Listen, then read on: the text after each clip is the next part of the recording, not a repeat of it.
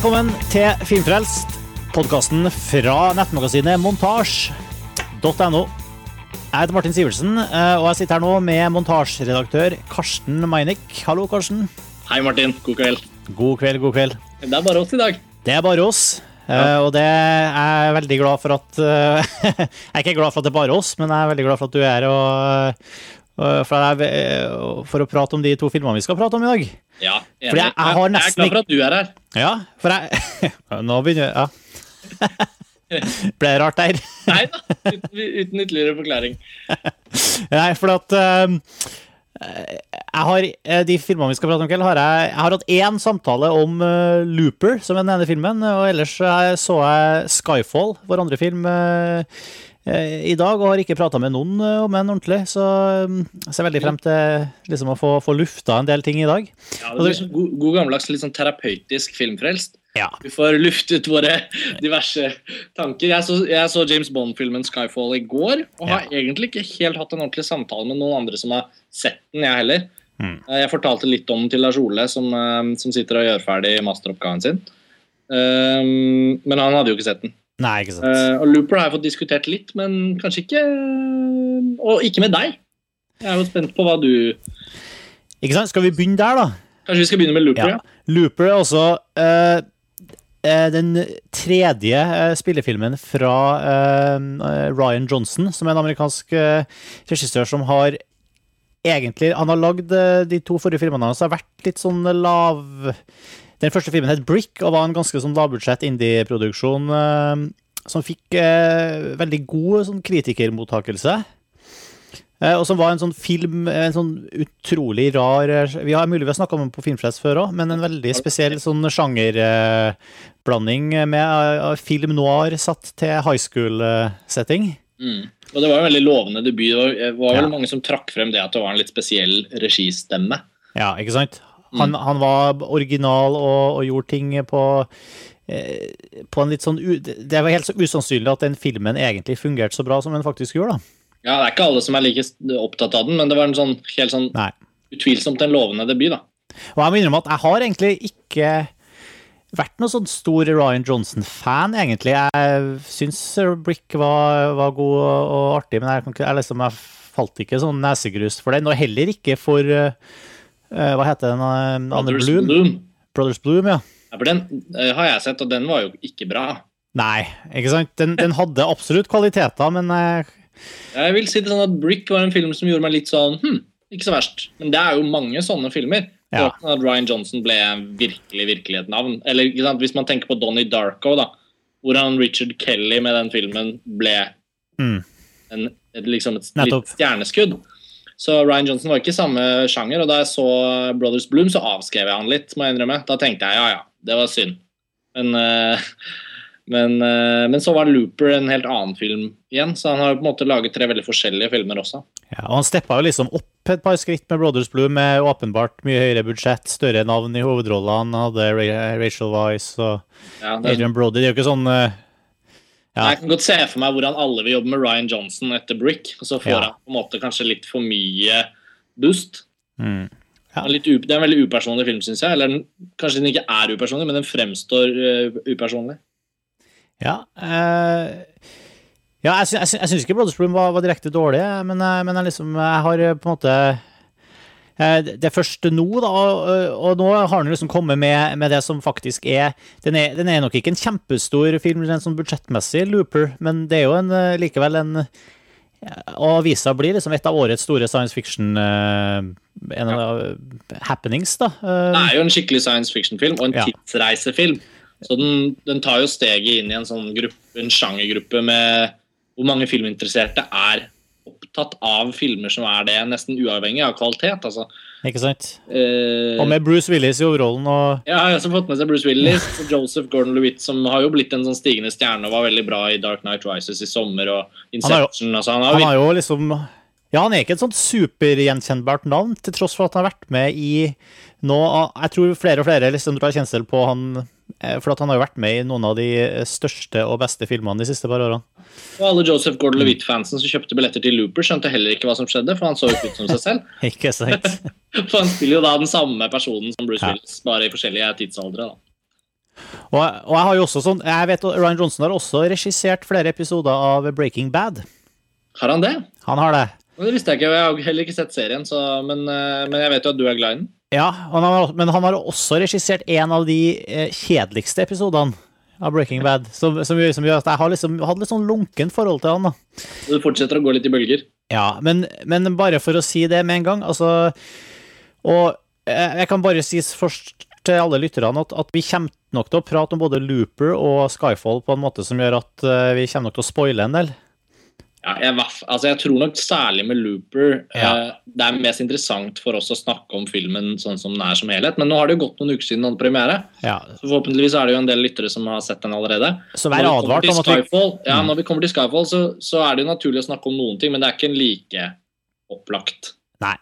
Men det er i hvert fall en sånn advarsel at vi kan risikere å si ting som vil muligens ødelegge for filmopplevelsen din, hvis du liker å bli overraska og, og, og um, så, så, da er det på en måte veldig lurt å se filmene før dere hører oss prate om dem. Ja. Um, Trykk på men, pause nå. Ja. Men altså, eh, jeg må bare si det først og fremst. Jeg ble veldig eh, Egentlig veldig positivt eh, overraska av, av, Looper, altså. Jeg syns det jeg syns faktisk det er så langt en av de mest En av de beste filmene jeg har sett i år. Og også en av de mest interessante, for jeg syns den, den, er såpass Ehm, den har såpass mange sider ved, ved seg og har så mange Jeg er også veldig sånn I forhold til mitt møte med, med filmen, så, så, er jeg usikker på nøyaktig hvorfor jeg liker den. For det er så mange ting der som jeg egentlig ikke helt skjønner går opp, da. Mm. Både i måten Altså, jeg ser så mange ting som egentlig burde vært svakheter i filmen, men likevel så klarer jeg ikke å, å ikke like den. Nei, jeg syns også den var veldig bra. Mm. Jeg syns det var en, uh, en sto, et stort sprang for Ryan Johnson. Ja. Nå, nå, er han virkelig en filmskaper å regne med. Og nå kunne jeg godt se for meg han jobbe, jobbe på et veldig Ja, altså på et bokstavelig talt et større lerret, på en måte, da. Um, og jeg syns Looper den klarer å både være en sånn På en måte som en opplevelse, så syns jeg den har en lett mainstream identitet.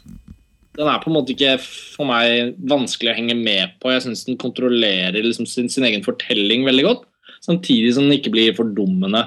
Ja. Teit, mm. ikke sant? Den er jo lett å se. Som, ja, ikke sant? Det, og det er en deilig kombinasjon. Altså, sånn, uten sammenligning for øvrig, da, for det syns jeg er et mesterverk. Men The Matrix var også en film som, som var en fornøyelse å se. Og den var like interessant å tenke på. Og Man mm. kunne si i samme setning både at det var ting man ikke forsto, og at man følte alt gikk opp. da, på en eller annen mm. måte. Og så syns jeg ikke Looper blir de, de, den litt sånn um, gåtefullt fantastiske filmen som både The Matrix og etter mitt syn da, Inception også er. Men Looper er en sånn veldig veldig bra film som ligger og vaker uh, opp, opp, under uh, noen av de beste science fiction-filmene vi har sett de siste årene. Iallfall syns jeg det. Og den har jo paralleller, kanskje ikke så mye til The Matrix, men i hvert fall til, til Inception. Og, men den har altså det, han, han, plasserer, han har jo valgt den tidsreise-sci-fi-filmen, og ikke minst med Bruce Willis i overrollen, eh, som vi har sett i Twelve Monkeys, for eksempel.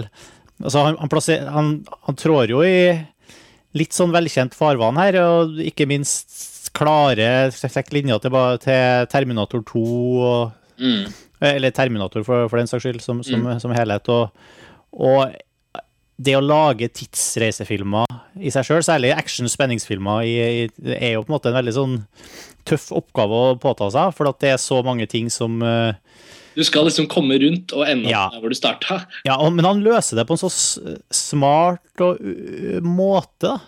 Som er både, som du sier, både lettsett, underholdende og utfordrende, og som Og jeg syns den, Det som gjør at jeg syns sånn, sånn, sånn uh, pussig film, at den føles ganske sånn uh, vaklevåren. Jeg syns liksom han uh, Han gjør så mye sånn Jeg syns på en måte at filmen egentlig ikke helt burde henge sammen, men den føles samtidig dønn solid. da. Ja, jeg er enig. Og, og, det har kanskje litt mer med at han har nesten plassert eh, to filmer i E. Altså Det virker som om filmen skifter helt ham og, og går over i et helt annet territorium midt i, og, og endrer alt setting og pacing og Og, Ja, så tør den, ja, den tør, og så syns jeg at sånn fortellermessig sett, og nå Mhm. blir det spoilere, da, eh, så syns jeg den tør å ta konsekvensene av sin egen historie.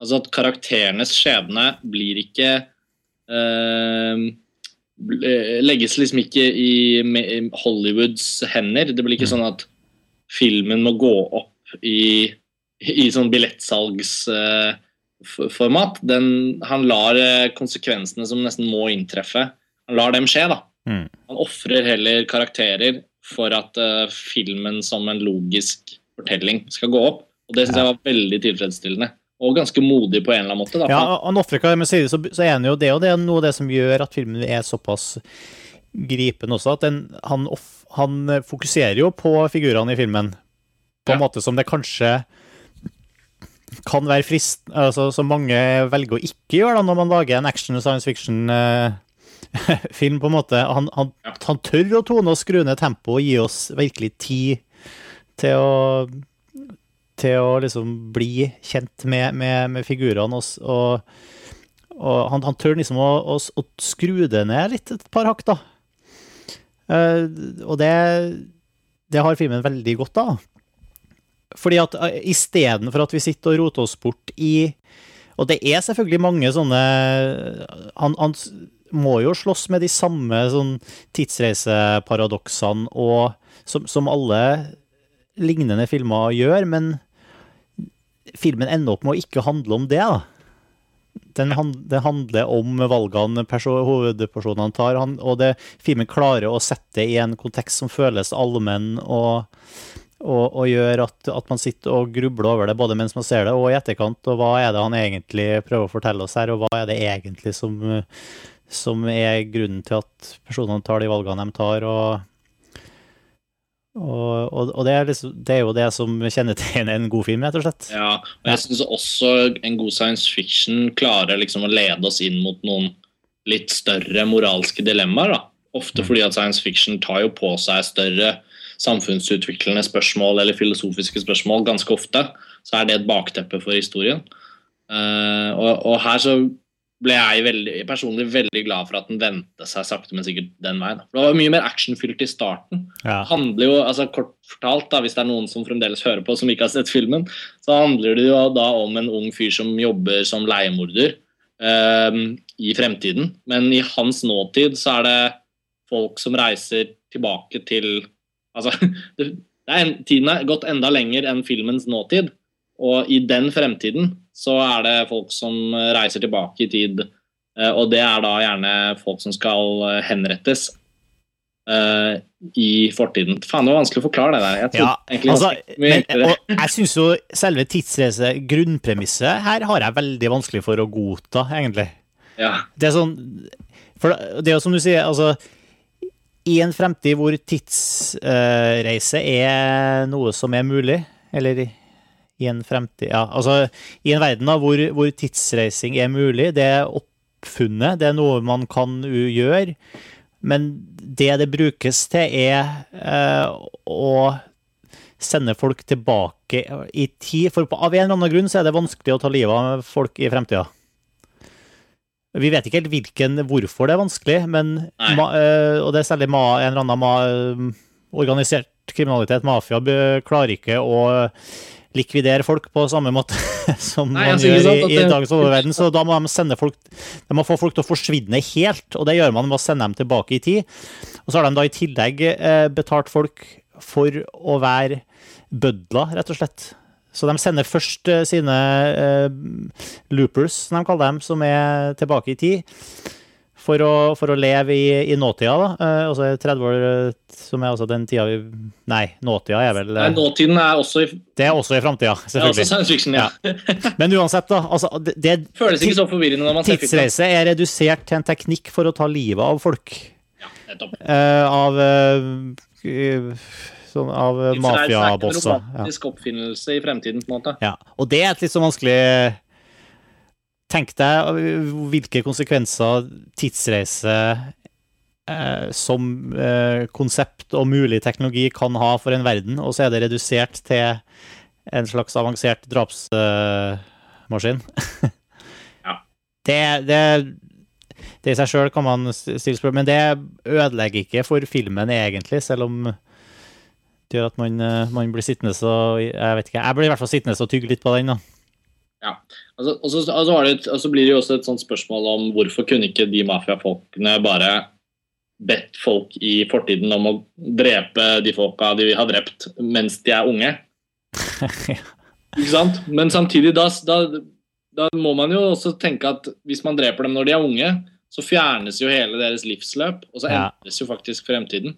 Sånn at det er klart at de kan ha vært involvert i ting som gjør at man ikke vil at fremtiden skal endres, etc., etc., etc. Men her er vi liksom Her er vi med en gang i alle de eh, tidsreiseparadoksene som, som man kan sitte og, og diskutere i evigheter, og Ja. som det ikke finnes noe svar på, fordi tidsreise faktisk ikke er et uh, fenomen vi, vi vet hvordan fungerer. Nei, ikke ennå. Nei, og så er spørsmålet hvis det noensinne vil eh, Hvis tidsredet overhodet er mulig, så burde vi jo nå se resultatet av det. Folk burde ha reist tilbake til vår tid og fortalt oss at tidsreise er mulig. Ja, så egentlig vet vi at det ikke er blitt oppfunnet ennå. Ikke sant? Det er betryggende. Også, men også det som eh, Ryan Johnson eh, gjør i Looper, er at i tillegg til det så bringer han inn telekinetiske evner. Ja, for det var jo da Det var jo en utvidelse av sjangeren, kan man Ja. si. Det er en slags X-Men-faktor. ja, jeg vil nesten si også litt eh, Jeg fikk litt sånn Akira-vibbe. Mhm. Av ja. Særlig når det er bar, liksom Ja, han eh, det, Ja. Men siden du var eh, live action, så fikk jeg sterkest X-Men-vibber. Mm.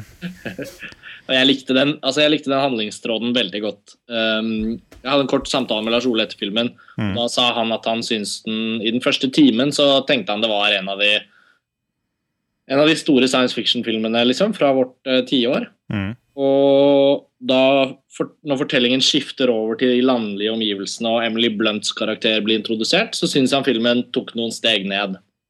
Ja. Og, uh, og jeg personlig måtte da bare si at det var helt motsatt. Jeg opplevde at mens den var en litt mens den fremdeles var en rimelig hektisk sånn action chase-film, hvor mye skulle gå opp, og det var mye rare bifigurer, Paul Dano som kommer og går og det, var- det var mye som jeg ikke syntes var så overbevisende. Men da den kom til Emily Blunts karakter ut på den gården og sånn, så begynte den å komme mer inn i et tematisk tempo Ja, som jeg satte pris på. Så jeg syns det var der filmen løftet seg. da. men det er også den grunnen til at jeg sier det som jeg prøvde å si. Altså, jeg jeg syns filmen føles kanskje ikke helt sånn helstøpt, da. Men jeg vet ikke om Og, og har litt sånn flytproblemer, kanskje, men jeg vet ikke egentlig om det ødelegger så mye for uh, min opplevelse av filmen som jeg kanskje føler at den burde gjøre. Da. Jeg sitter kanskje Nei, jeg og overanalyserer, for jeg, jeg koser meg jo tvers igjennom hele filmen og har veldig lyst til å se den igjen. Ja, og jeg er veldig enig med deg. Altså, jeg syns også den mangler dette, eh, dette noe som Ja. gjerne skaper en sånn en litt sånn mystisk helhet. Jeg syns filmen er veldig sånn Måten den er fortalt på, altså så rent sånn filmspråklig og narrativt sett, så har den en veldig sånn mekanisk uh, uh, Litt sånn Hva skal man kalle det? Den, den, den har en sånn sånn klippedrevet mekanisk fremdrift. Og den er ikke så rik på stemninger, syns jeg. Uh, altså, den har, ikke, den har ikke så mange sekvenser hvor den stopper opp og har en slags sånn filmatisk undring, hvis man kan kalle det det. Eh, der syns jeg den er altfor uh, konkret. Og, og sånn sett så blir den jo handlingsdrevet og, og kanskje enda mer spennende enn en, en mer stemningsfull eh, innfallsvinkel. Men jeg tror det er et eller annet sted der, i, i det liksom filmspråklige, hvor den mister dette noe, da, som, som jeg syns både Inception eksempelvis og, og mm, ja, selvfølgelig The Matrix. Altså, det er mange filmer vi kan nevne her som, som har Ja. en sånn Og, og de har jo den herre helstøpt-vibben som, som Ja, det blir Ja. liksom ikoniske filmer. Og jeg syns Mm. ikke Looper har noe sånn ikonisk over seg. Nei. Looper føles først og fremst veldig Den føles smart ut, men den er helt enig, den har eh, ja, eh, ja, du har veldig, veldig godt poeng. Den, den har ikke Den mangler det lille som, som The Matrix har, og, og Inception har. Det der, altså. Ja. Og det er relevant å sammenligne med de to filmene, egentlig. Altså Kanskje ikke så mye The Matrix, men Nei, men Eller Terminator, da. ja, Terminator, ikke sant? Og det er jo også en annen Ja. elektronisk film. Uh, men og mye av eh, Altså Og mye av tematikken er jo også lik, altså. Ja. Særlig, altså Jeg husker altså, No fate but what we make. Altså, det du kan fortsatt påvirke framtida selv om den ikke har skjedd, og, Ja. og alt det. Altså, det er jo på en måte klassisk tidsreisetematikk, egentlig, men han har også den her eh, dimensjonen over det som går på rene sånn eh, foreldre-barn-relasjoner, og, og hvordan eh, mennesker utvikler seg, og hvilke moralske valg mennesker har. Og det er jo, den, er jo eks, den er jo spesielt interessant i Looper med at selvfølgelig en person konfronterer sitt, eh, seg sjøl, både som ung og, og som gammel, og, og har anledning til å både stille spørsmål ved sine egne valg og faktisk eh, eh, bli gitt anledning til å korrigere dem. Mm. Og det er jo noe av det som, som gir Looper kanskje en litt, en litt sånn ekstra eh, dimensjon Mm. på, på, på akkurat eh, på, ja, på det som du sier, det med at man, man får det til å, også handle om moralske spørsmål. da. Mm. Hva syns du helt konkret om de tingene som skjer i handlingen? Altså, hva, likte du også den Emily Blunt, altså hun moren og denne kinetiske gutten? Eh, Jeg syns det var veldig fint løst. Jeg, jeg fryktet det litt i begynnelsen, men så syns jeg det ble bare bedre og bedre. Ja, ja det var, og så var det veldig bra gjennomført, da. Jeg kan stille spørsmål, er det sånn rent sånn objektivt men jeg syns det funka. Det var, det var veldig mange gode scener der òg. Som Jeg syns det var helt Det var Og noe av det tøffeste Det er bare sånn detalj. Det er utrolig kult når hun går og gjemmer seg i den safen. Ja.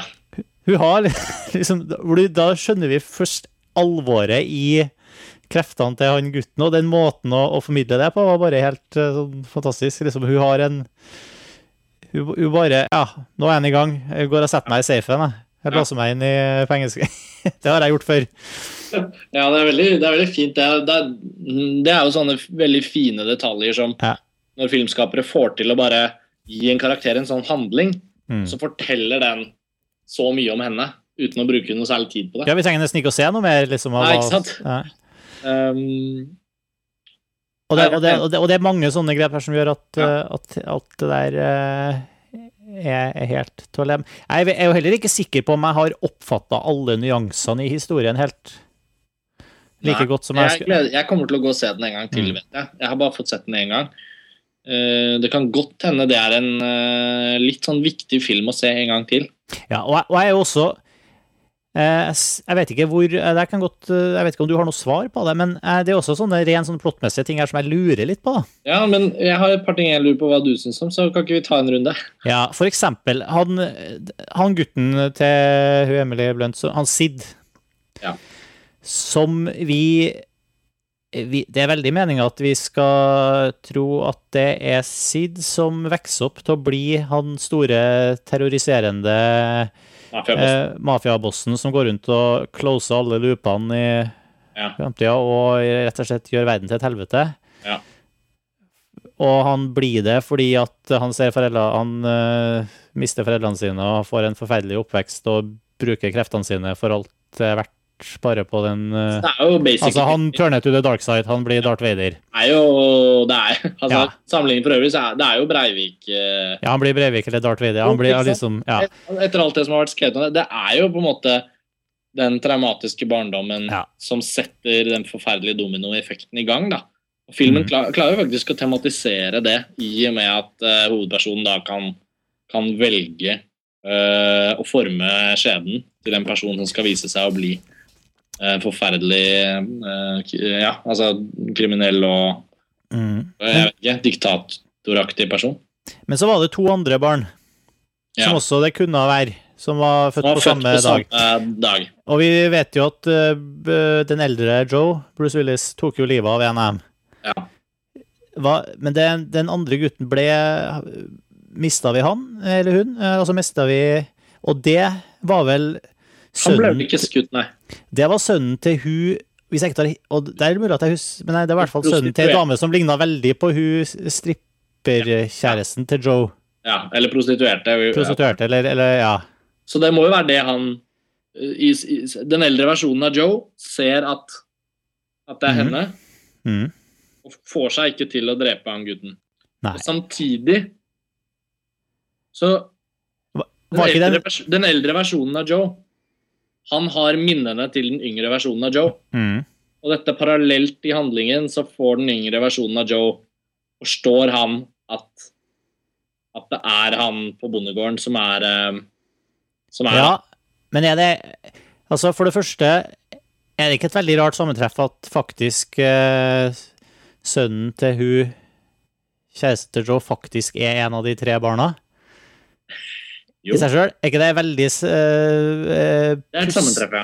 pussig? Og i tillegg, han overlever. Har, kan det tenkes at uh, Altså, er det, har man faktisk forhindra The Rainmaker, eller uh, kan det tenkes at det likevel er det har man.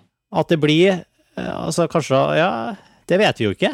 Vi får jo ikke noe svar på det. Nei, nei. nei Det kan jo tenkes at det her er en sånn situasjon hvor histo- eh, liksom, eh, det, her, det, det blir en rainmaker likevel. Nå har vi får, får forhindra én mulig rainmaker, men kanskje det blir han, er han andre gutten isteden? Eh, Ja, men det, jo, det kan man jo se på vår egen Ja.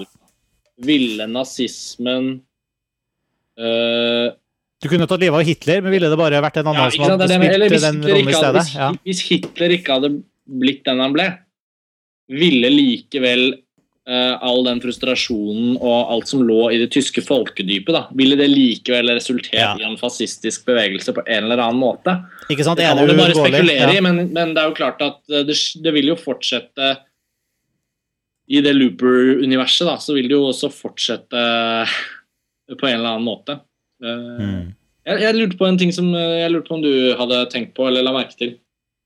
Det er jo, det er jo en greie i filmen med at, eh, med at uh, disse eh, eldre versjonene av disse unge leiemorderne kommer tilbake, og så blir de bedt om å drepe seg selv, på en måte.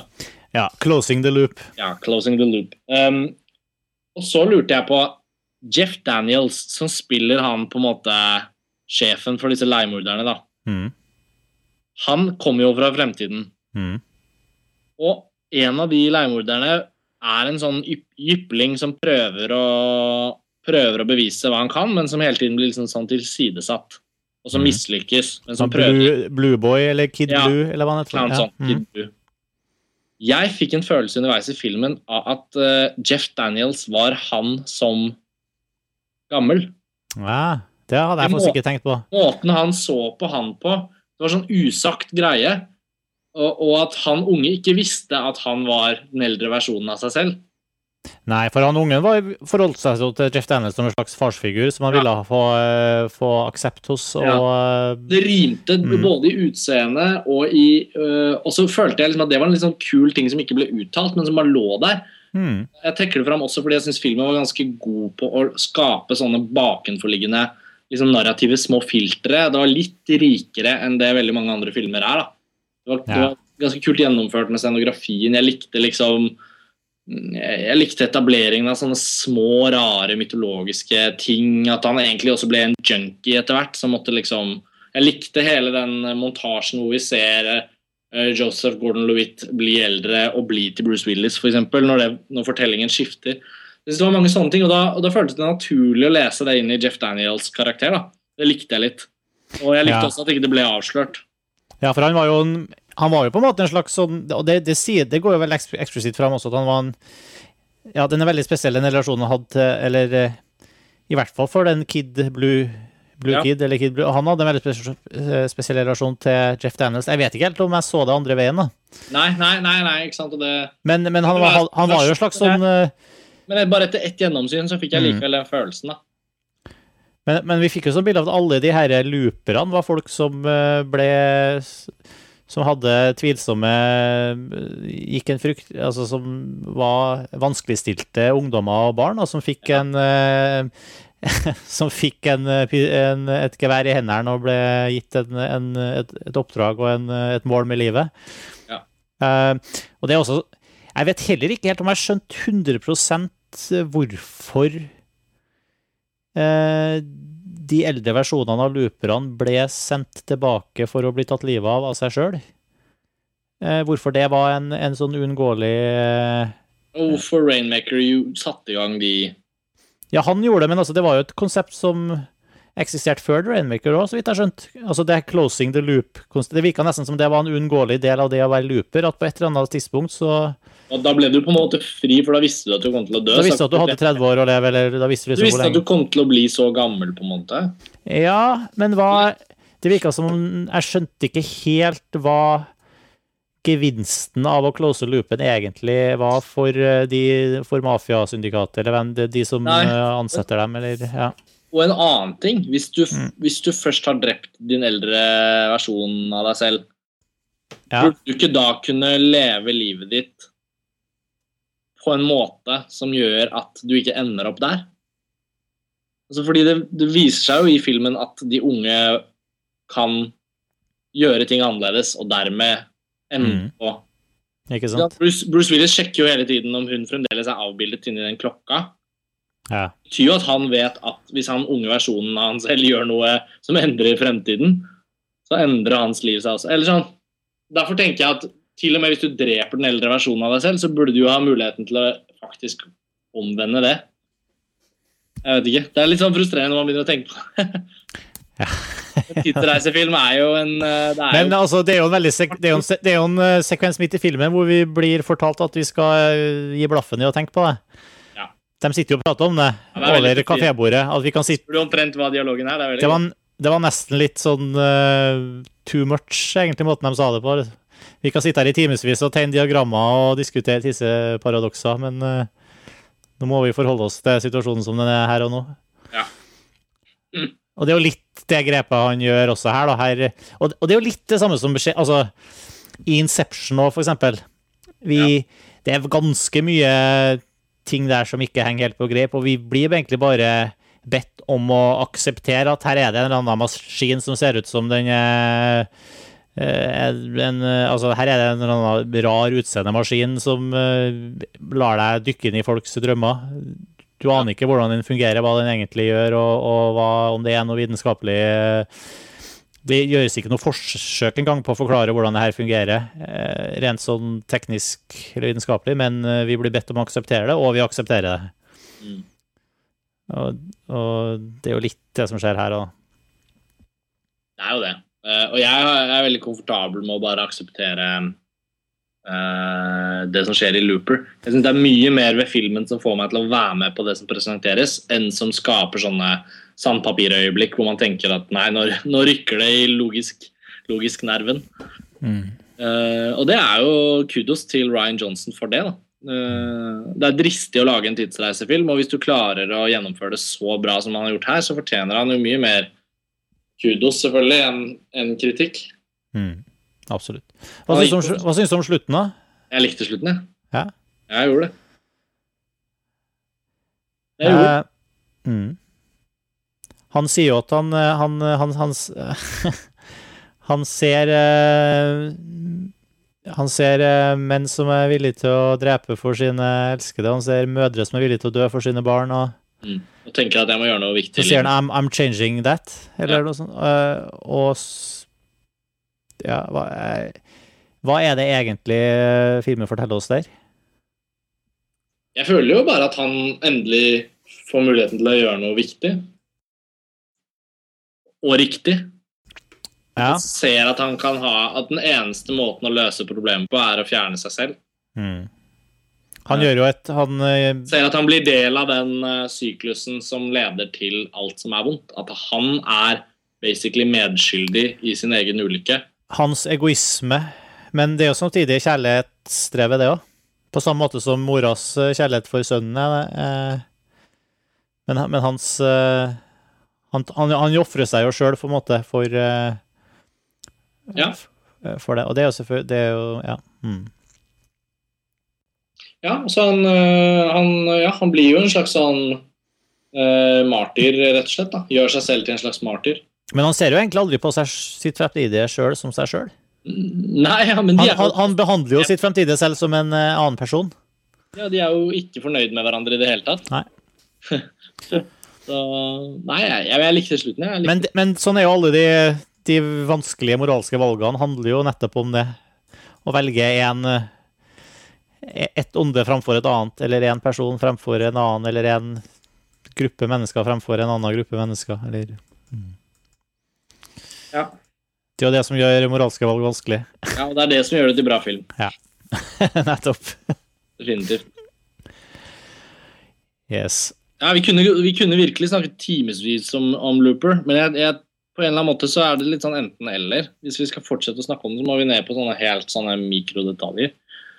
Eh, Men jeg, vi er vel jeg, jeg, Og jeg er veldig fornøyd med at vi fikk en ordentlig eh, se- Og selv om Looper faktisk ikke føles så veldig science fiction-y i Nei. deler, til tross for hele ramma, særlig ikke minst fordi de tar det Halve filmen foregår liksom eh, på et hus på prærien, men eh, Men eh, det- var, jeg syns det var veldig godt å få en ordentlig god science fiction-film i år, etter det jeg stadig føler er en større og større skuffelse med øh, Ja um, jeg skulle ikke si jeg glemte hva den heter. Med, med Alien-filmen til Ridley Scott, som, med, med Prometheus, som jeg var, en av, var desidert den filmen jeg hadde sett aller mest fram til i år. mm. Og ja, uten sammenligning for øvrig, for, for, for øvrig med, med Looper, så syns jeg virkelig at, at Jeg føler at der, der fikk jeg på en måte science fiction-kvota mi likevel, da. Ja, du, så du er langt mer fornøyd med Looper enn du var med Prometheus? Ja, jeg innser det. Jeg liker jo Ja, jo mer jeg har tenkt på Prometheus, også etter at vi sånn, jo, jo mindre Jo mindre fornøyd er jeg med den, altså. Ja, jeg, jeg opplever jo at uh, Jeg så Prometheus den ene gangen når jeg var på ferie da dere tok opp uh, den episoden, så jeg jo ikke å diskutere den. Men Nei. jeg opplever jo at Prometheus og Loop, Looper de er litt på samme sted for meg. Det er veldig bra filmer, begge to. Uh, for meg, da. Um, og jeg har bare sett begge én gang, så det skal være interessant å se, for jeg kommer til å ha et gjensyn med begge i løpet av høsten. Og så skal man jo kåre selvfølgelig mot slutten av året hvilke filmer som, har, eh, som står igjen som de beste. Så det kan jo godt hende Jeg kjenner jo litt på det, at det kan godt hende Looper kryper seg forbi Prometheus når, eh, når årets beste science fiction skal Ja. så- Og vi fikk jo ikke Gravity i år, liksom, og vi fikk ikke Ja. Nei, det, det blir spennende. Alfons Ja. Det blir kult. Så bra. Nei, altså, veldig, veldig fornøyd med Vi er tydeligvis veldig fornøyd med Looper, begge to. Ja, og det er jo en Ja. varmeanbefaling, selvfølgelig. Nå, Mm. De som har hørt til, til hit, har kanskje selvfølgelig allerede sett den. Men uh, jeg kan trygt anbefales. Så det var tidsreise sci-fi-sjangeren. Ja, Vi skal snakke om en annen annen- sjanger, sjangerfilm også. En annen type tidsreise. Ja. Og, og når vi kommer til James Bond, så er det også en eh, Det er, en helt det er et helt spesielt filmfenomen, hele James Bond-serien. Er Altså vi snakker om seriefilm av en helt annen skala enn selv, eh, selv Politiskolen. Ja, det må jo være Er det den lengstløpende franchisen? Ja, jeg har vanskelig for å se for meg at det ikke er det. Eh, Hvis det ikke, i hvert fall i mainstream. Ja, det er det sikkert, men, men her sitter ikke jeg på konkret kunnskap. Jeg er ikke noen sånn stor Bond-nerd. Nei. Jeg syns Bond er helt supert, jeg. Uh, liker mange Bond-filmer. Men jeg har ikke sett alle, og jeg har ikke liksom Jeg har ikke en sånn boks med alle Bond-filmene på Nei. hylla. Um, og mange av dem har jeg sett på TV3 sånn på 90-tallet, med masse reklamepauser og Mm. Jeg kan ikke, ha, si at jeg har, kan ikke si at jeg har noe sofistikert forhold til James Bond-franchisen, Uh, men jeg kan si at uh, jeg ble veldig, veldig glad i Golden Eye da den kom. Det var basically da Bond startet for meg. Ja, ok, For da har du et helt annet forhold enn meg til James Bond. Ja, jeg tenkte Vi må jo si Mm. litt om forholdet. Ja, for det, er veldig viktig, og jeg tror også at forholdet man har til James Bond er veldig personlig, fordi at. Og mer enn kanskje veldig mange andre. Og det her, det er jo, det, og det her er jo kanskje sånn beskrivende for slags sånn sjanger eh, eh, sjangerkjærlighet generelt. Da jeg oppdaga jeg, jeg oppdaga på en måte James Bond på midten av 80-tallet.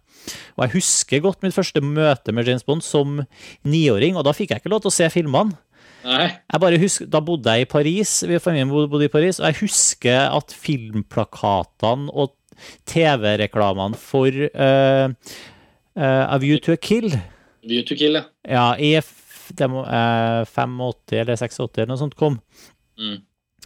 Og jeg så de eh, i bybildet i Paris og ble liksom eh, Allerede jeg så at det her var noe jeg ble tiltrukket av. da. Mm. Som, niåring. Og, og, og eh, foreldrene mine var glad i James Bond, og sånn, så etter hvert liksom utover eh, slutten av 80-tallet og begynnelsen av 90-tallet så begynte vi å kjøpe, kjøpe hele serien på VHS. Det var blant annet en sånn svensk VHS-serie som hver gang vi var i Østersund, så kom vi hjem med en bærepose med, med nye James Bond. Så jeg, så jeg fikk sett veldig mye James Bond på VHS, og jeg har jo sett alle filmene. Og veldig mange av filmene har jeg sett. Alle filmene som eh, opp til eh, 60-, 70- og 80-tallet har jeg sett mange, mange ganger. Mm. Jeg har nok sett aller minst jeg har, eh, De filmene til Pierce Brosnan er de jeg har sett eh, minst. Ja. Så der har jeg også sett alle filmene, selvfølgelig. Så, så jeg sitter ganske dypt inne i eh, James Bond-universet, sånn sett. Og jeg har Ja, eh, og jeg er veldig glad i Og det har jo litt å gjøre med at det er filmer jeg vokste opp med.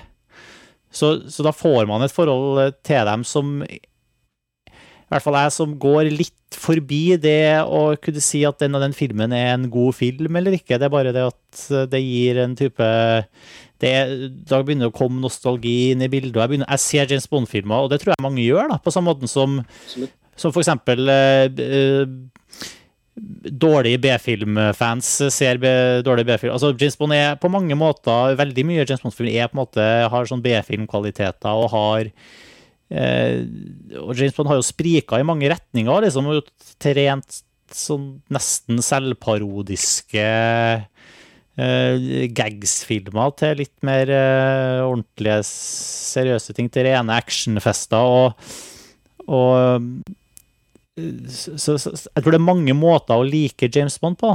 Ja, jeg er helt enig. Eh, Men serien har i hvert fall mange fans, og jeg, er jo, jeg regner meg jo sjøl som, en, eh, som en absolutt som en James Bond-fan. Og jeg har jo og Spør du folk om hva som er favoritt-Bond-filmen din, så får du veldig mange forskjellige svar, altså.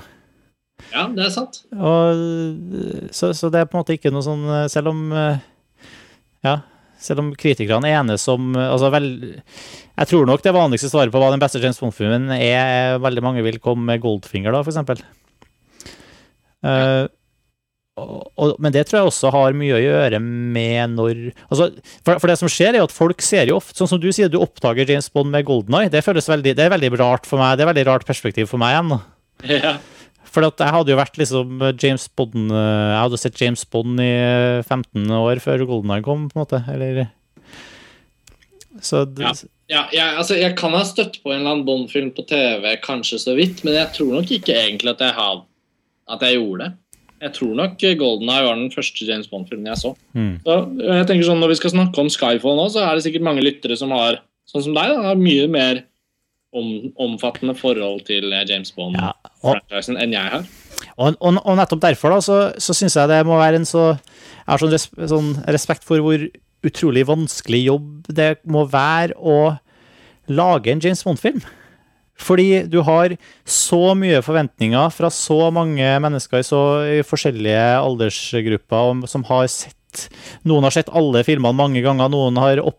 Noen eh, Man må liksom både snakke til fansen eh, og man må fylle en del, masse forventninger der. Det er masse konvensjoner og regler for hva James Bond-filmer skal inneholde. og sånn. Du har en lang tradisjon med James Bond-film som du må følge opp.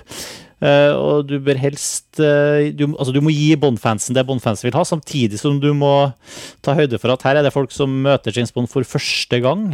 Ja. Og du må ha med alle de her elementene, samtidig som at du må ikke bare sitte her og hoste opp gamle James Bond-ting. Du må tilføre noe nytt også, sånn at du eh, på en måte gir eh, folk en slags ny opplevelse. Ja, det er, ja du har rett. Altså, Og, og jeg tenker kanskje mer enn mm, noen annen sjanger, så må det her være ekstra utfordrende for James Bond-filmskapere. Og det er jo derfor eh, eh, ja, altså, Det er derfor at, det, at det kanskje kommer en del i gåseøyne dårlig James Bond-film også. Ja, altså For meg så har jo James Bond-sjangeren eller franchisen utviklet seg til å bli muligheten til å se en veldig sofistikert og ofte ganske underholdende actionfilm. Stor liksom med en egen liksom sjargong som er liksom selvoppfyllende. Mm. Det har jeg hatt sansen for. Og så syns jeg kanskje ikke at det har vært så mange gode filmer da, i, av, av de nyere filmene som jeg har sett. Jeg har jo sett noen av de gamle også, selvfølgelig. Og, og har liksom ikke klart å dyrke frem noe ordentlig forhold til dem. Men hvis jeg skal snakke om de nyere Bond-filmene, da, Pierce Brosnan og Daniel Craigs filmer, så syns jeg jo Golden Eye er den filmen som helt overlegent leverer best på både å være en, eh, en god historie, en god fortelling, og at den er veldig den er veldig helhetlig i måten den behandler universet på. Og når den er corny, så er den ganske underholdende. Og jeg syns Pierce Brosnan hadde en sånn egen eh, Han passet med 90-tallet, da. Han var en god 90-tallsbånd. Uh, han hadde liksom ironisk distanse, men han var liksom kul nå. Ja. Og så kom det noen veldig tåpelige filmer med han, da, selvfølgelig. Etterpå. Ja, ikke sant? Det var så, så synd, for jeg syns egentlig Pierce Brosnan er den perfekte han er Bond-skuespilleren. Uh, ja. Så- ja. Selvfølgelig Sean Connery og sånn. Jeg, veldig- jeg syns jo Dr. No er en veldig kul film, og jeg ser jo at Ja. han er liksom kanskje klassikeren, på en måte. Men Pierce Brosnan, eh, for min generasjon, eller for meg, da, er jo han selvfølgelig mest Bond. Ja, eh, ja, på en måte. Samtidig som at det er så veldig synd at han Jeg liker han veldig Altså, ja, Per Brosnan syns jeg er på en måte den perfekte Bond, selv om filmene eh, Golden Eye er en ganske ålreit film, syns jeg òg. Jeg setter ikke den, nok den like høyt som deg, og jeg vet mange andre Jeg syns det er den beste Bonden. Ja. Men, er men, men også Tomorrow Never Dies, The World Is Not Enough, Die Another Day er ganske Det er nok er no, De ligger veldig, veldig langt ned på lista mi, altså. Ja, det dårlige. Men der kicker det også inn at jeg ikke har et sånt Det er ikke sånn at jeg engasjerer meg og bryr meg så mye om det. Da er jeg mer sånn irritert for å ha sett dårlige filmer. Eh, jeg syns Golden Eye er eh, like bra selv om de var dårlige. på en måte. Det gjør Mm. ikke Pierce Brosnan noe mindre bra i Golden Eye fordi han var i dårlige filmer etterpå. Og så med Craig så syns jeg jo at Casino Royale var en ganske kul film. mm. Den likte jeg. Og så syns jeg Quantum of Solace bare var en ordentlig dårlig film. Ja. Og så er det Skyfall, da. Ja.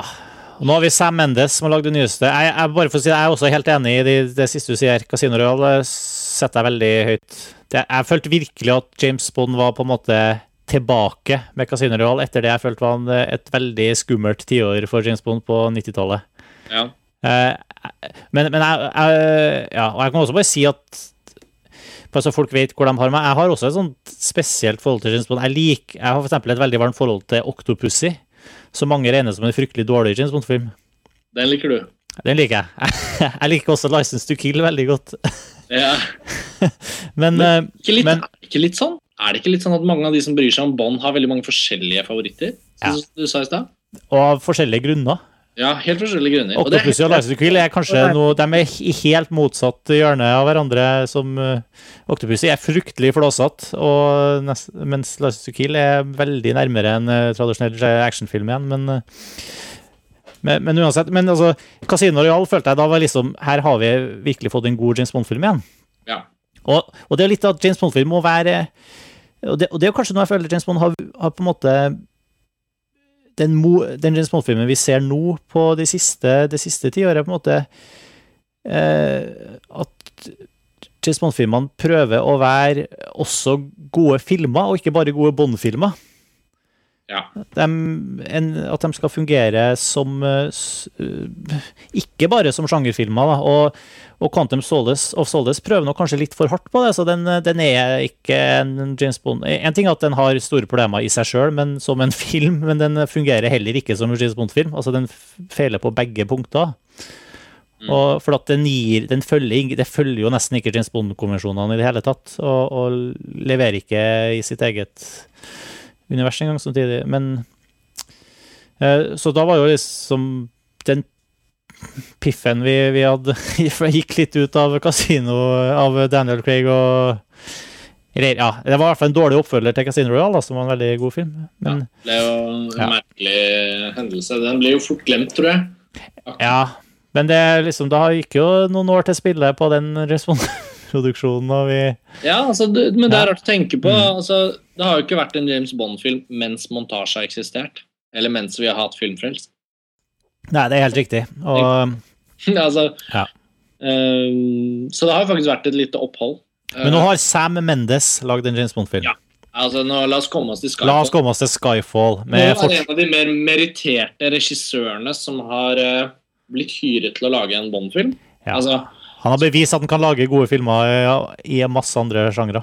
ja, ikke sant? Og jeg syns Mm. Sam Mendes har jo hatt veldig mye bra filmer. Han har ikke laget Mm. så mange, men han øh, debuterte jo med American Beauty og vant en Oscar, og så har det, det har gått litt nedover derfra, men øh, det har jo vært veldig høy kvalitet. Jeg syns Road to Perdition er hans beste film, etter mitt syn. Jeg er veldig glad i den. Eh, Ja. Uh, og så syns jeg Jarhead er en ganske kul film. Ja, den er ganske kul. Men ikke, uh, ikke noe stor film, men en kul film. Revolutionary Road var også severdig, i hvert fall. Eller ikke noe sånn kjem... Ja, jeg er ikke noe Verken Jarred eller uh, Men uansett, han, han, er, han er på en måte Han er en habil regissør, da. Ja. jeg må, jeg må jo bare Jeg så, ja, jeg så jo Jim Skyfall uh, for under et døgn siden. Og eh, jeg må si at jeg Jeg, jeg var Jeg gikk ut av kinosalen med en virkelig sånn eh, stort smil om munnen og tenkte Yes, vi er tilbake igjen, på en måte. Ja. ja. Eh, for det her var Det her er nok så vidt jeg kan eh, Uten å ha hatt tid til å fordøye det ordentlig, så føles det som det er en av de aller, aller beste James Bond-filmene. ja. Uh, og- Um, Selv om- jo, og Ja, si litt mer. jeg syns på en måte at eh, filmen eh, at, at Skyfall ta, han, Det gir meg alt jeg forventa av en James Bond-film, inkludert den fantastiske åpningsscenen som, som bør være der. Men som virkelig var en eh, dundrende eh, actionfest. Og den var veldig lang. Og, og klarte å holde, holde koken gjennom. eh, Den, den, den gir oss eh, en bånd som vi på en måte både kjenner igjen, og som overrasker oss ved å, ved å, ved å følge Og egentlig følger vi nå opp litt den trenden som vi har vært inn på med den nyere Bond-filmen, at vi blir mer og mer presentert for Bond ikke bare som en eh, sånn overfladisk eh, skall av en actionfigur som leverer fra seg eh, morsomme kommentarer og vittigheter, men vi, liksom James Bond blir mer og mer et menneske. Ja. Og det er jo eh, Og det har jo vært liksom Vi har hatt James Bond i 50 år og, så, på film, og eh, James Bond i bøkene, for dem som har lest et par Ian Fleming-romaner, så vet vi at James Bond er egentlig en ganske plaga figur. Ja, Eh, det- han, han er en veldig eh, han, James Bond har store problemer, rett og slett. Eh, det får du ikke inntrykk av når du ser en Roger Moore eh, James Bond-film, for eksempel. Mens, det, har, det har jo vært en slags uh, greie med at Bond på sitt verste er den absolutt minst spennende karakteren i filmen. Ja. Eh, og, men nå, eh, eh, nå, nå er liksom James Bond for, ja, ja, Vi blir liksom mer kjent med James Bond, og James Bond blir mer en, ja, helt riktig, han blir mer en spennende figur. da. Mm. Og det syns jeg på en måte er en veldig fin måte å, å løfte Ta James Bond videre på i, i, i, i filmverdenen, og det syns jeg man, man, går, man, jeg synes det, man går ganske langt i den retninga i Skyfall, og heldigvis syns jeg det Det gjorde man også i Quantum of Solace, for så vidt. Men, men her, her, her, funker det enormt mye bedre. Og så, så, jeg syns liksom Både klarer man her å gi meg det jeg vil ha som Bond-fan, samtidig som at man tar eh, serien eh, eller film Man tar det i noen nye retninger som jeg ikke har sett før, da. Og, og så kan jeg si at eh, også her er det litt sånn fly, Kanskje litt sånn flytutfordringer. Litt, kanskje nesten litt sånn som i Looper. Her går man jo også til et lite hus på prærien og tar siste del av filmen der og på en måte gjør, gjør, mye av det samme, men Men jeg, jeg, jeg er alt i alt veldig fornøyd med, med Skyfall som, som film og som Bond-film. Ja. Og, og, og, føler virkelig at at jeg ser Det har vært en sånn Jeg har fått en revitalisering av, av James Bond igjen. Ja. Altså, mm. jeg syns også Skyfall er en veldig bra film. Mm. Jeg syns um, Jeg syns den er uh, Den har uh, Den har en historie. Jeg syns den klarer å ikke bli for corny. Den er ganske lite corny, faktisk. Mm. Og det, det har ikke vært noe jeg har vært veldig veldig glad for i Bond-universet, når ting blir helt sånn søkt. Um, det er greit den har et lite spark til at uh, man ikke trenger å lage en penn som blir til en bombe. Og det er jo et spark til Golden Eye. Um, og den har en litt sånn selvironisk innstilling til Ja, Penn som blir til bombe har jo vært et uh, Altså, ikke bare til Golden Eye, men uh, Nei, nei, ok, men det har, det har jo alltid vært en del av James Bond-filmene. Den Ja. her, De tåpelige gadgetsen som også er en, selvfølgelig. har vært en veldig kul greie, som jeg, for så vidt savna i Skyfall. Ja, ikke sant? jeg savnet det litt, jeg òg. Fordi på, på sitt uh, Det er klart det er en ganske alvorlig film. Den har en, en historie. Det er ting som skjer i, underveis med visse karakterer som er ikke like morsomt som, som det kan ofte være i en Bond-film. Mm. Men eh, jeg savnet jo litt humør. Men det har jeg gjort med Daniel Craig hele veien. Han er jo potte sur, liksom.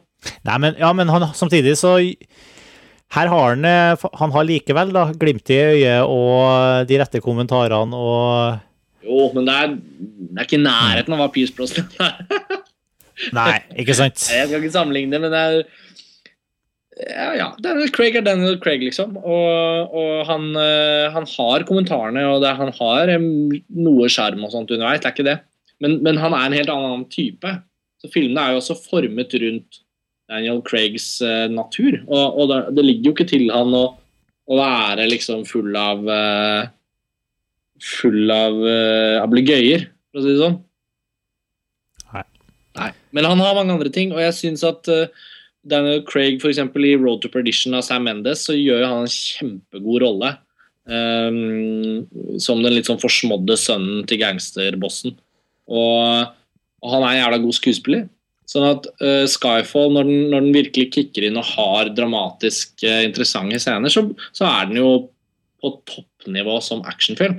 Og i og med at Bond-produsentene legger så mye vekt på å ha spennende, velkoreograferte, godt gjennomførte actionsekvenser og, og, og ønsker å oppfylle uh, lovnaden om at Bond-filmene kanskje er noe av det beste av actionfilm fra hvert tiår hvor det lages Bond-filmer, da. Så syns jeg jo Skyfall er helt super. Og, og mange har snakket om at Sam Mendes kanskje ikke er en actionregissør, men han, han leverer jo helt eh, glimrende.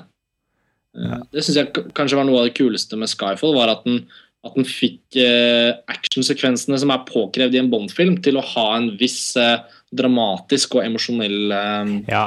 resonans, på en måte. De er ikke bare For det, Det er ikke bare transportetapper eller bare actionsekvenser. Eller bare tåpelig action. De er Nei, også de, altså, de er ikke troverdige, men de er i hvert fall eh, De føles mer eh, substansielle og mer ordentlige ordentlig. Og det, akkurat det samme var jo i Casino Royal. Ja, og så I Quantum of Solace så var det veldig sånn Born-inspirert formspråk. Men i Quantum of Solace det er jo ingen som kan gjenfortelle hva den filmen faktisk handlet om. Så Nei. uansett hva formspråket var, så, så ble jo alle, alle sekvensene i den filmen ble jo dratt ned av at man ikke følte at filmen hadde noe spesiell historie man i det hele tatt skulle bry seg om. Og, det var en av svakhetene med, med Pierce Brosnan-filmene. At eh, Til Golden Eye. et, et, ja, etter Golden Eye. At, at eh, de hadde De hadde masse action og masse gadgets, og, men de falt litt i den herre Batman-filmseriegreia på 90-tallet også. At det- det ble rett og slett bare tåpelig. Mm. Og vi er litt forbi den herre tåpelige Vi vil ikke ha den og utelukkende tåpelige James Bond lenger. Vi er, vi er Jeg føler liksom at vi har modna litt i forhold til det. Ja.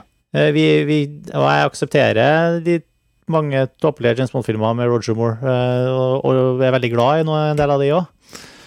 Men, eh, men her, er liksom, her har vi tatt konsekvensen av eh, eh, og, og, og, og i Skyfall så er vi jo også i, i, på en måte i, i samtida. Vi, vi filmen har også planta seg litt sånn tematisk i Og det har jo James Bond for så vidt alltid gjort, da, men Nei, men absolutt. Det er ehm, Jeg syns det er en av de bra tingene der. Og så er det ganske mye, ganske mye av filmen som foregår i Storbritannia. Det likte jeg også litt. Det er sånn skikkelig britisk Bond-film. Det er kanskje litt merkelig avstikker til Kina, men eh, det er nødvendig. Og så, og så er det mye som foregår i England. Ja, og så ser du også at det handler jo mye om om Bond, om uh, MI6. Som, altså man, man finner historier internt i å utforske eh, både James Bond og James Bond sin organisasjon. Ja, og ikke minst så handler det mye om M, da. Ja. Uh, til Judy Denchs eh, karakter, som har jo vært med veldig lenge nå. Ja. Helt siden nå, Hvilken film var det hun kom inn i? Var det Golden Eye? ja, hun kom i hvert fall Ja, jeg tror det. Ja, hun gjorde det. Mm. Og jeg har jo vært helt strålende. Og er strålende. Hun er veldig god her òg. Hun er veldig bra. Um, All, jeg syns de fleste rollene Det man kan si at uh, Jeg syns også Javier Bardem som, uh, bad guy, ja. som bad guy han er, han er utrolig kul, da. Jeg liker han veldig godt eh, her. Han, han, han er veldig morsom å se på, samtidig som han er Jeg vet ikke helt om Jeg syns på en måte det er noen Jeg skjønner ikke helt hvorfor han klarer å gjøre alle de tingene som han klarer å gjøre. Nei, altså det, Det er, kjøper jeg ikke helt her. eh. Selv om han er en bra bad guy, Ja. bra bad guy, så har han jo det samme problemet som alle disse Bond-bad guysene har. Ja. Det er jo som regel at man ikke helt man ikke helt eh, Eller filmskaperne bruker ikke særlig tid på at eh, bad guyen faktisk skaper en logisk fremdrift for det de holder på med. De bare har en eller annen mastermind-opplegg. de- ja, de, de har gjerne noen fysiske defekter. De har gjerne en veldig eksentrisk personlighet. Ja. Og har noen sær, virkelig Ja, de har noen ekstreme personlighetstrekk og eh, en eh, nesten ubegrensa tilgang på ressurser. Ja, altså får de ofte gjort veldig mye mellom scenene de er med i. Ja. Senere, til har det som regel skjedd masse. Uh, Så jeg, jeg, jeg har masse sånn suspension of disbelief uh, klart i bruk når jeg setter meg ned og ser en Bond-film. Jeg har veldig få forventninger om at ting skal henge sammen logisk. og og Jeg hadde ingen problemer med det som eventuelt er å plukke på i Skyfall. Men det jeg er opptatt av, er jo ting som har med, med liksom story og, og, og ting som gjør at jeg bryr meg. At det bare at det vokser til å være noe mer. I og med at jeg ikke lener meg på franchisen og har noen sånn egen nerdete interesse for James Bond, så føler jeg at hver enkelt Bond-film må også fungere akkurat sånn Ja. som alle andre filmer må fungere. Men, men her fungerer jo for, også for at jeg føler Altså, de er jo ment som Altså, de, spil, de staver det jo ut veldig for oss òg, med den her Metafor. rotte-metaforen, som, var- som egentlig var veldig god, syns jeg. Tydelig. Ja, men det er veldig sånn Jeg, jeg likte Jeg syns det var veldig bra, altså. Ja, jeg hadde veldig sansen for, for hele det der, og han er jo på en måte Vi er tilbake igjen, altså, til, til, til Darth Vader, og han uh, Pardem uh, gikk på the dark side, rett og slett. Ja. Han, han er jo eh, negativen til, til Bond. Ja, han er det, og Ja. det er litt kun kult med sånne rogue agents. ikke sant? Litt sånn det samme som var i Golden Eye. At uh, man har en tidligere en tidligere person fra systemet som er tilbake for å få hevn. Eh, det, hadde jeg, det hadde jeg veldig sansen for. Det er en bra måte å dramatisere organisasjonen og få involvert flere, flere elementer. Uh, jeg syns kanskje Jeg syns kanskje filmen slet litt med å finne en sånn Finne en egen eh, rytme, kanskje. Jeg, jeg, har tenkt litt på det. Jeg har prøvd å forsøkt å komme til gang med å skrive litt om filmen nå, og jeg, og jeg synes at eh, Nå er jeg liksom midt i det, da, så det er fint å ha en filmfrelst midt i, hvor man kan få diskutert ting litt. Men jeg, jeg sliter litt med uh, uh, Det må jo være den lengste James Bond-filmen noensinne, Ja, uten at jeg har uh, sjekka det, dobbeltsjekka det, men den er jo over to timer lang. Ja, to timer og 24, tror jeg den var. Og, Ja. og, og, jeg, og jeg føler at i første tredjedelen av filmen så, så skal den sette opp såpass mye greier at at ikke film, filmen finner liksom ikke helt identiteten sin før et godt stykke uti. Akkurat som to hender som prøver å slå samme rytme, men som ikke helt blir enige med hverandre om hvilket tempo filmen skal gå. ikke sant? Mm. Uh, og, der, og der føler jeg at filmen bruker litt for lang tid. Uh, kanskje skulle de vært enda Altså Kanskje noen av scenene har litt for ensidig mål. Altså At filmen bruker tid på en scene som egentlig bare forteller én ting. Kanskje kunne et par av scenene i filmen vært smartere vevd sammen i manuset og kanskje ha samme samme være, i, I løpet av én scene skulle man kanskje fått fortalt mer. da Jeg. Det blir litt sånn stokkete, men det er ikke noe veldig sånn alvorlig klage. Men, men eh, Og så må jeg også innrømme at jeg syns egentlig at de her scenene på Skyfall-eiendommen Ja, Jeg har ikke noe egentlig konkret å utsette på dem, men jeg satt nesten og kjeda meg litt gjennom dem. Mm, det strakk litt ut. Ja, for jeg hadde Altså Og det, det, det er kanskje både det at det er en sånn eh, Det er veldig eh, sånn skittent miljø for James Bond å være i, da. Ja. Nå er vi ikke i det luksuriøse Nå er vi eh, i, i et sånt støvete uh, gammel Det er én ting uh, i en sånn støvete gammel uh, ja. Gammel, sånn ga- gammelt mansion, og det er veldig mye uh, hagle og, Skifta jo filmen sjanger òg. og TNT, og det gikk over Men, men også Det ble blanding en westernfilm og Hjemme alene. Ja, og på det stadiet så syns jeg Til tross for at det var ganske Jeg har ikke noe å si på gjennomføring av det, egentlig, men jeg, jeg var ikke så gira på å se James Bond og hans eh, hans, hans venner eh, hamle opp med et eh, par dusin bad guys eh, på den måten. Altså, det var ikke så vik... Jeg, var litt sånn Ja, kom igjen, da. Kom til neste viktige utvikling her.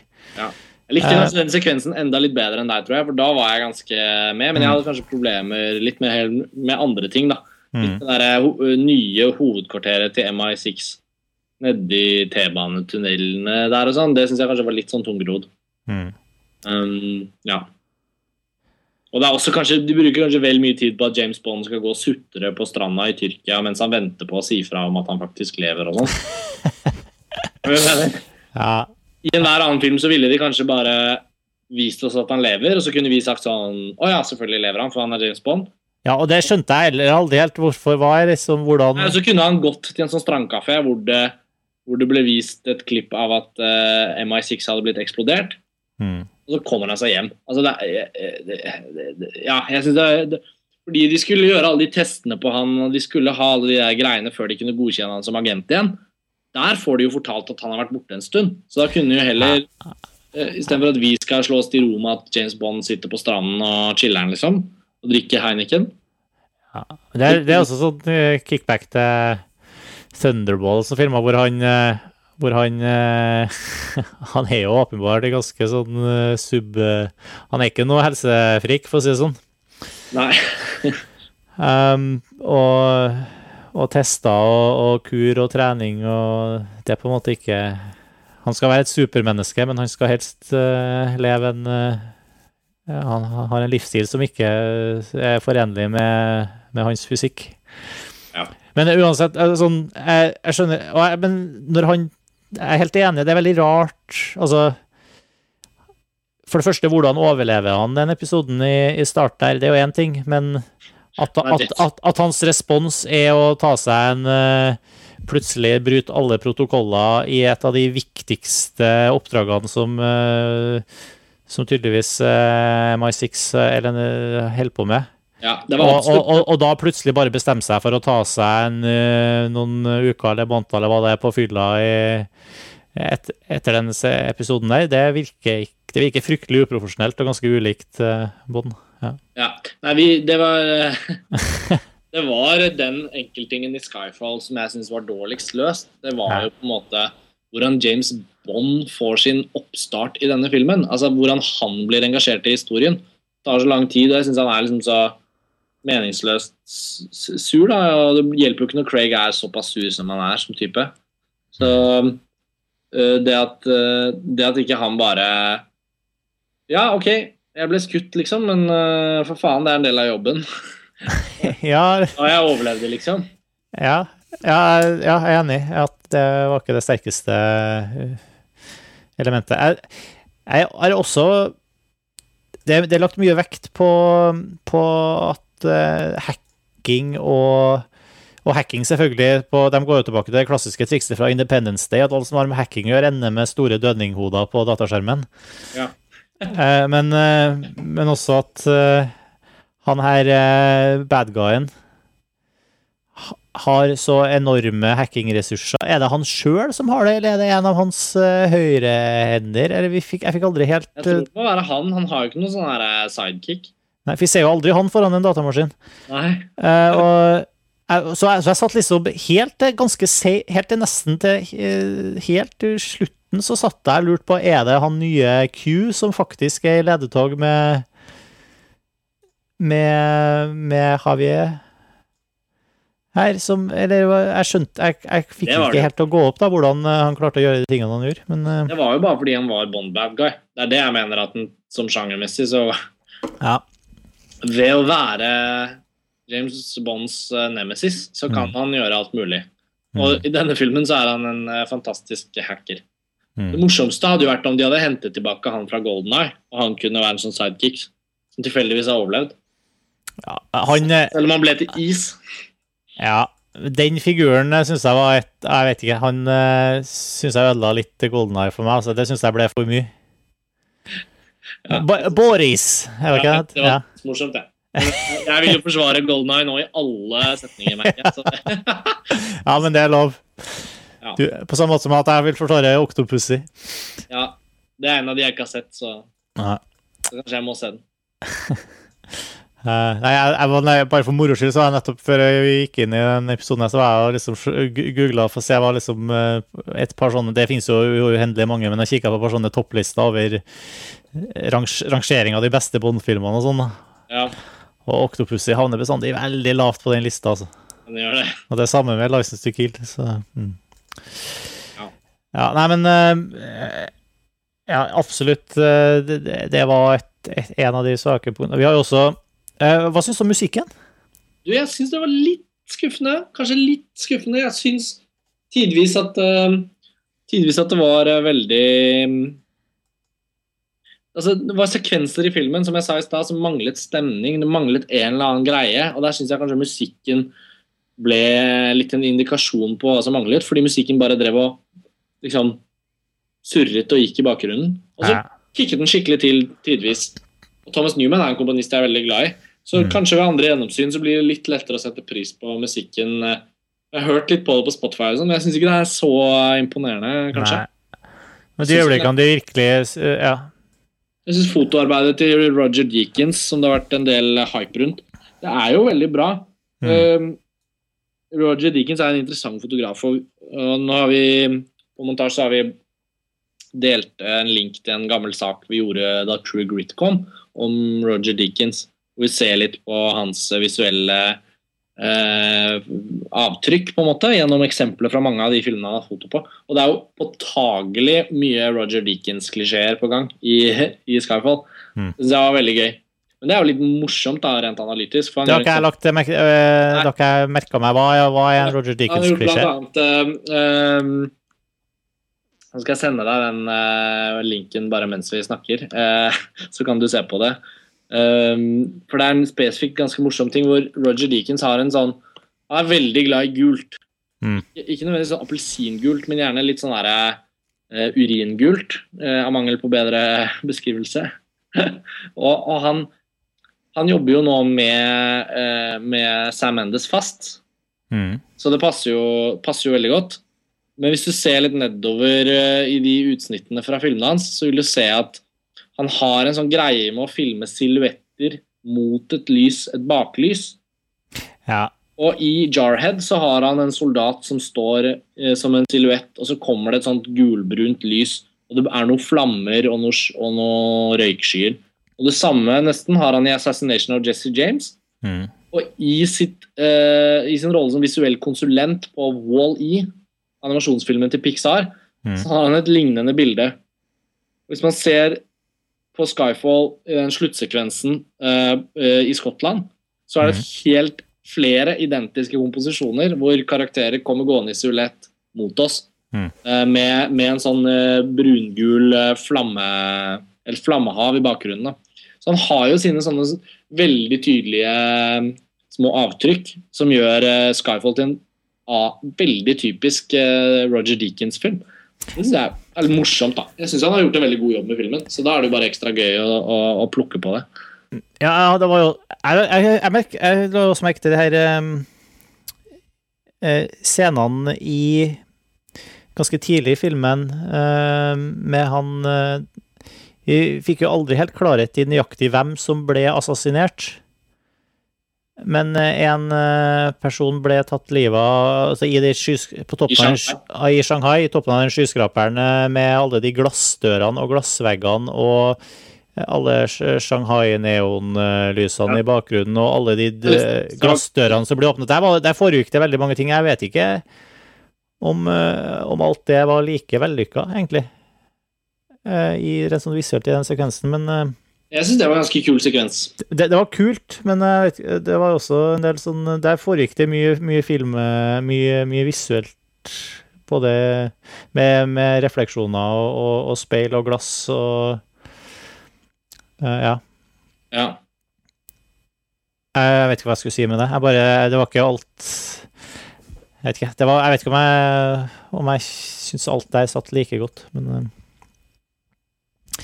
Men det var kanskje ikke noe Roger Deakins, uh, det klassiske ting der. Mm. det ble bare stille. Never mind. Jeg, jeg den Jeg vet ikke. Nei. Han, øh, det er litt det samme Looper som med Skyfall for meg. Jeg følte liksom at den var såpass bra at jeg hadde umiddelbart lyst til å se den igjen. Jeg hadde det jo ikke sånn med Quantum Solace, så da med andre gjennomsyn så er det kanskje lettere å følge en del sånne andre tråder. Um, Jeg tenker spesielt for at det er noen scener der hvor Det er så rart, for at du, du har for flere indikasjoner på at han øh, åpenbart er en veldig proff øh, øh, kar, han fyren som James Bond ender opp med å kaste utfor den skyskraperen, men Eller miste utafor der. Men ja. det er jo flere sekvenser som indikerer at han faktisk vet at uh, han blir uh, forfulgt og har bånd etter seg, og kanskje er det jo nettopp Ja, er det en del av, av, av planen nå, men uh, ja, men sant? det er det som er så kjedelig med sånn It was the plan all along. Ja. Men, så, men, scenen- hvor liksom James åpner den glassdøra, og så er han i skyggen, og så blir han ikke sett likevel, selv om han snur seg mot den. Det er Du syns det ble lite troverdig spenningsoppbyggende? jeg, jeg kjøpte ikke den helt, husker jeg, i, i øyeblikket, i hvert fall. Jeg hadde kanskje heller mer problem med den sekvensen ute i Macau der, i den helt totalt oransjegule nattklubben. Ja. å eh, ha med seg den skjetongen. Ja. Og, og det er disse, hva skal man kalle det, ikke krokodille, men er sånne drager som plutselig Ja. begynner å spise ja, mennesker. Ja, det var liksom ikke helt uh... Det, men det er også veldig sånn det, Vi har jo sett den scenen før eh, med krokodiller. I John Carter. Ja, ja, i John Carter også, men også i, i James Bond-filmer tidligere. Ja, ok. Eh, Er det Nå prøver Jeg å jeg, vet, jeg husker ikke hvilken det er. Da har jeg kanskje ikke sett den. Eh, Det er krokodiller i, i flere Bond-filmer, er det vel. Eh, Letta i hvert fall, men jeg lurer på om også det er en annen Ja, for Jeg plukket ikke så mange referanser til Nei. tidligere Bond-filmer i Skyfall, men det, det tar jeg alltid eh, Det tar jeg alltid for gitt at det er fordi jeg ikke be, vet bedre. Ja, det er sånn typisk, ikke sant. Det er en bru, og så har helten en eller annen Så har han en uh, liten svømmebasseng der fylt med piraja eller haia eller et eller annet. Ja. Det er veldig sånn uh, Jeg var på en måte veldig sånn fløyd over å se den likevel. da. Men hele den eh, Ja, helt den, eh, den ja.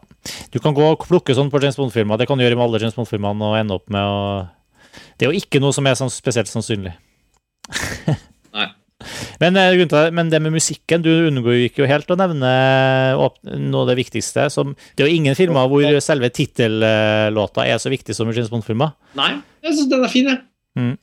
Skyfall. Ja. Adele. Ja, jeg syns jo Det som jeg syns er veldig kult Jeg syns produksjonen av låta var veldig, var veldig tøff og, og svær. og Tidvis så høres du jo Så får jeg Du får jo Hun er jo det nærmeste man kommer uh, Shirley Bassey, som, som er på en måte James Bond tittelsyngeren over alle. Ja, hun er jo helt strålende. Spør hun har jo flere. Diamonds Are Forever, for eksempel. Diamonds Are Forever, Goldfinger Hun har jo uh, Shirley Bassey er helt rå. Mm. Og der føler jeg jo at vi liksom er, Adele er jo veldig god og, og er jo på en måte opp mot det. Men jeg vet ikke om jeg syns det rent sånn kompo, Selve komposis, låtkomposisjonen er så god. da. Den har den Litt ensporet. Ja. Den er ikke så spennende, selve låta, selv om den er ganske godt tøft, tøft produsert og, og veldig bra, bra sunget. Og, Nei, Den slår jo ikke Shirley Bassies beste, og den er jo ikke i nærheten av Golden Eye. Tina Turner er, er, den er kul, den låta. eh, jo, jo. Du, du, du, du. Jo, men den er Ja, ikke sant? Ja. Nei, jeg syns den er helt super, men eh, nå har jeg liksom Hvem var det? Var det Tina? Var det Tina Turner, det? Ja. Ja. Nå er det nesten blitt en parodi hvor godt jeg liker Golden Eye, men det er jo sannheten at jeg syns den filmen er helt superfin. Jeg er så glad i den. Jeg har sett utallige ganger. Mm. Så det så alle de som kan masse om Bond og som har et superdedikert forhold til serien, dere får bare ikke bry dere om meg. For jeg er ikke Jo, men det, herregud, det, Golden Eye er jo eh, Jeg vet at den er anerkjent, men jeg en mener anerkjent, ja. mye smartere å si noe annet. Men jeg har ikke noe bedre svar. Nei, jeg har ikke noe jeg har, ikke- har ikke noe imot eh, Jeg har ikke noe bedre svar. Eller jeg liker Golden Skulle Eye vi godt, hatt en liten jing, nå skulle vi hatt en liten sånn medley, Martin, hvor vi spilte de beste Bond-låtene. Ja. Jeg vet ikke om Filmfrelst kan eh, spille lisensiert eh, popmusikk. Det er kanskje ikke helt vår eh, sjanger. Nei, Så medley, så medley under eh, 30 sekunder i journalistisk eh, Sitatretten. eh, sitatrett kan man gjøre mye, tror jeg. Men eh, Eventuelt så kan vi jo anbefale våre lyttere til å bare gå inn og høre på litt Shirley Bassey og Ja. litt Tina Turner, og så høre litt Adele etterpå, så se hva som, eh, hva som er best. mm. A-ha lagd en ganske fin båndlåt òg. jeg har allerede laget en flott båndlåt, egentlig. Og eh, der er også det Ja, Pierce Det var jo The Living Daylights. Ja. Heller, heller ikke noe ufilm, altså. Nei, den syns jeg er ganske Den synes jeg er helt ålreit. Egentlig. I det hele tatt, Pierce Jeg har egentlig likt alle. Pierce Brosnan er også veldig ålreit. Jeg har ikke noe mot noen av James Bondene. Nei, men du er jo litt eh, Du liker jo James Bond litt sånn all over, gjør du ikke det? Ja, rett og slett. det. det var jo, du hadde jo mye tydeligere type sånn om barne- og ungdomsforhold til eh, James Bond enn jeg har hatt. Mm. Og det er kanskje der man etablerer den uh, relasjonen til Bond-franchisen.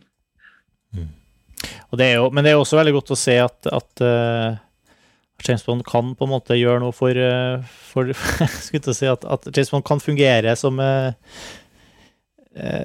Som også for å trekke til seg nye nye, altså nye for, At man kan se James Bond for første gang, da, og fortsatt uh, få Og det tror jeg man kan med, med, med en film som, uh, som Skyfall. da. Ja, det tror jeg også. Jeg tror Ja. det er en veldig bra start uh, for den generasjonen der som Og Casino Royale og, og Golden Eye er veldig gode innfallsvinkler for, for liksom moderne James Bond. da. Ja, og Daniel Craig har jo fått en litt bedre sånn kurve på en måte enn det Pierce Brosnan hadde, for der gikk det jo bare nedover. Uh, nå har Craig egentlig revitalisert seg selv som en Bond. Og hvis han ønsker å gjøre flere, så, så ønsker jeg egentlig det velkommen. Det jeg bare håper produsentene fortsetter med, er å ansette jævlig bra regissører. Mm. Vi kan jo bare nevne det inn til slutt at det hadde jo vært utrolig kult om Christopher Nolan gjorde en Bond-film. Ja, og det er jo ikke så helt utenkelig Han har det? sagt selv at han har lyst, Ja. men det er vel sannsynlig at han hadde har lyst til å caste hele filmen selv. Og Skyfall etablerer jo enda flere nye faste ja, det er litt sånn, man driver jo på en måte Det er tydelig at man, man, man jobber veldig hardt med manus for å få, få castinga til å gå opp hver gang ved å kaste ut nye Jeg tenker sånn, Nå, Ja. nå har Skyfall etablert at flere skuespillere skal være med serien videre. John Cleese varte ikke lenge, for å si det sånn. Hva? John Cleese uh, Nei, nei, var der ikke lenge. Nei. Da tenker jeg at uh, den personen som blir satt til å gjøre en ny Bond-film nå, den, den uh, må jo nesten akseptere det, så frem til at det skal være den samme gjengen. da. Og hvis Nolan, som det har vært sagt, har såpass behov for å bringe inn en helt egen cast, så betyr det kanskje til og med at Nolan ikke kommer til å gjøre en Bond-film før det er tid for en ny James Bond til å ta over. da. Ja, og det vil jo være, det vil jo være veldig rart nå å la neste James Bond-filmen gå uten Ja, går. Uten Ralph Fiennes og uten Naomi Eh, ja, ja, Harris. Harris. Mm. Ja, så jeg syns, eh, jeg syns um, Og han Ben Wishaw som Q var også fin. Han var en veldig liten karakter. da. Han var ikke så mye med som jeg hadde trodd. Men, um, men jeg tror eh, Daniel Craig har vel kontrakt på å gjøre en til. Så da regner jeg med at neste Bond-filmen blir en fortsettelse av hele den gruppa her. Så får vi se hvem de velger som regissør. Altså. Det blir veldig spennende. Ja, det er jo ikke Det er vel ingenting som er, som er annonsert i det hele tatt. Nei, det er foreløpig ikke, ikke som jeg vet. Nei, men nei, øh, vi, vi har egentlig da endt opp med å, å, å gi noe det nærmeste vi kan komme høyeste skyssmark til både Looper og, og Skyfall, har jeg inntrykk av. Jeg syns begge er en sånn Ja. ganske fin terningkast fem, da, hvis man skulle gi det en liten Ja. Ja. Um, ikke noen sånn voldsomt sterk femmer på noen av de, men sånn bra. Veldig bra. Og det er jo Ja, jeg, jeg, jeg, jeg, tar- i litt når jeg sier høyeste skyssmark, det, var- det er jo ikke det vi har gjort, men uh... Kanskje du likte begge fyllene bare et lite hakk bedre enn meg, da, men um, litt sånn tabloid sett så er det jo Dette er jo de to mest solide action-spenningsfilmene som går på norske kinoer i høst. mm, Av det jeg har sett, i hvert fall. Mm. Uh, nå har jeg ikke sett Taken 2, men alt tyder på at ikke den er helt på nivå. Ja. Det har jeg ikke noe Jeg var jo Ja. Jeg var jo ikke noe sånn eh, nesegrus forelska i Taken 1 heller, så Nei, jeg er ganske uinteressert i Taken 2. Ikke sant? Så det er eh, Folk må komme seg og få sett Looper og Skyfall, men det Ja, nok en gang, de som har hørt helt til nå, har vel sannsynligvis sett filmene. Eh, Varm, varm eh, jeg, jeg tror nok det er noe Det er nok to av de beste filmene jeg har sett. Jeg har sett i år, i hvert fall. For, Ja. for, for min del. Mm. Det er jo veldig, en veldig varm anbefaling. Ja. Nå har jeg sett mye mindre film enn deg, så jeg vet ikke hvor, hvor nyttig det egentlig er. Jo da. Yes. Eh, men nå har vi brukt opp de filmene, så nå eh, håper jeg det kommer noe nytt spennende vi kan prate om eh, neste filmfest. Ellers må vi gjøre et dypt dykk tilbake i, i et eller annet tema eller et eller annet årstall. Det? Det, Nå slo jo disse to sammen, så det ble jo én episode. Men Ja. da, vi skal jo fortsette med dekningen vår av de norske filmene. Eh, det skal vi. Da skal ikke eh, jeg påkreve på deg at du skal få sett alle, for det krever litt å få sett dem. ja, men der kan det tenkes at det er du og Lars Ole som må trå til Mulig Lars Ole og jeg tar opp tråden der vi slapp sist, og så, mm. og så kommer det kommer mye spennende utover nå. da. Det gjør det. Før vi vet ordet av det, så er det premiere på Hobbiten, så der får vi en god anledning til å returnere til eh, Tolkien også. Ja, det, Det kan bli gøy. det kan bli gøy, og det kan Ja, det, det blir veldig spennende å se hva som skjer med det, egentlig. Det blir veldig spennende. Men vi får se, det blir nok noen episoder før det. Ja. Nei, men det var kjempebra. Supert. Da eh, høres Det var en ganske vi lang eh, episode. Det er til å være bare to mennesker. Det ble det. Ja. Det ble det. Håper det var gøy å høre på. Det er i hvert fall veldig ålreit å få, få prate om det, for eh, det er spesielt på Det er et eller annet spesielt med å ha en sånn prat om en film rett etter at man har sett den, som er, man liksom ikke har hatt tida til å verken lese seg opp på hva andre har å si, eller eh, eller hadde hatt ordentlig tid til å fordøye det sjøl ennå. Jeg håper jo også at vi får høre noe eh, fra lytterne våre i kommentarfeltet og sånn. Altså det er, kanskje det er mange som har hatt større problemer eksempel med Looper enn vi hadde, og, og med Skyfalls får vi bare se hva reaksjonen blir. Kom gjerne med innspill, altså, Ja, enten i kommentarfeltet ja. eller på, på e-post. eller eh, Da da er adressen eh, filmfrelst.montasj.no. Eh, Og hvis dere liker det vi gjør her på Filmfrelst, så ta gjerne og gi oss en, en positiv omtale på, i iTunes. Så noen, noen stjerner der er alltid gøy. Og hvis du ikke liker det vi holder på med, har, eh, så, så ikke si, si noe på iTunes, men send oss gjerne en eh, korrigerende mail, så lover vi, vil vi lese alt som kommer inn. Eh, Vi er tilbake om et par uker, forhåpentligvis. Og vi må kanskje nevne at uh, tittelmelodien vår, eller vignetten vår, er en låt fra det norske bandet Ping, som du kan høre mer, om, mer fra på thepingpage.com. Fint. Bra plugg. Yes. Takk for i kveld, Karsten. Takk for i kveld, Martin. Ja, vi snakkes. Ha det.